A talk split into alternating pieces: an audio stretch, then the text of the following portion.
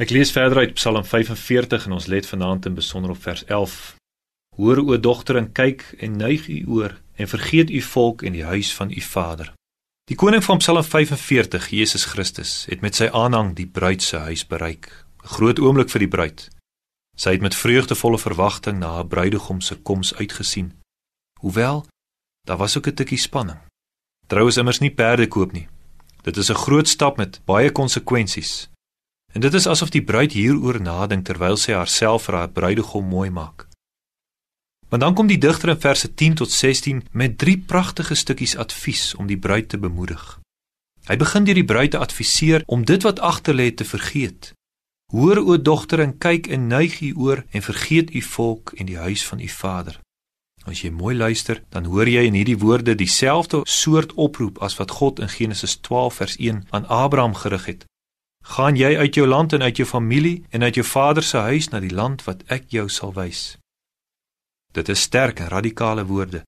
Dit mag moontlik selfs na harde advies van die digter klink. Maar vir die bruid om werklik aan haar bruidegom te behoort, moet sy hierdie dinge agterlaat. Kan sy nie daaraan bly klou nie. Vir die kerk, vir elke Christen om werklik aan koning Jesus te behoort, moet daar radikaal gebreek word met die eertydse lewe. As iemand na my toe kom, sê Jesus, En hy haat nie sy vader en moeder en vrou en kinders en broers en susters, ja, selfs ook sy eie lewe nie. Kan hy my disipel nie wees nie? So radikaal stel Jesus dit in Lukas 14. Niks, selfs nie die lewe self nie, mag ruimte gegee word om ons te verhinder in ons navolging van Jesus nie. Van nature is ons verknog aan die skoonheid en die vriendskappe van hierdie wêreld. Maar van dit alles moet ons vergeet. Dit is die radikale skeiding wat die huwelik met die groot koning tot gevolg het.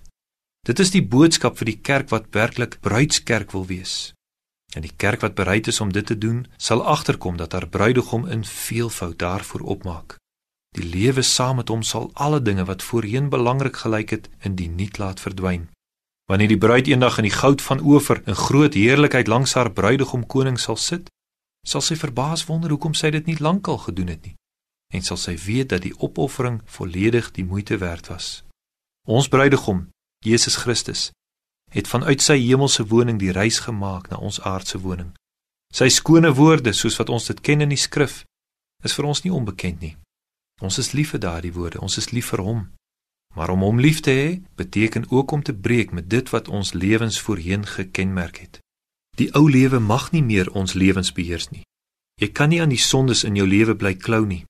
Moenie soos die vrou van Lot met verlange terugkyk na die ou lewe nie. Moenie tussen twee lewens hink nie, die lewe van vroeër en die lewe met die koning. Moenie toelaat dat ons, dat jou verhouding met Jesus Christus in gevaar gestel word deurdat jou aandag gerig is op dit wat agter lê nie. Van nou af moet die hemelse koning ons enigste liefde wees. Jy moet die Here jou God lief hê met jou hele hart, met jou hele siel, met jou hele verstand en met al jou kragte. Slegs dan word die bruid werklik stralend in haar skoonheid.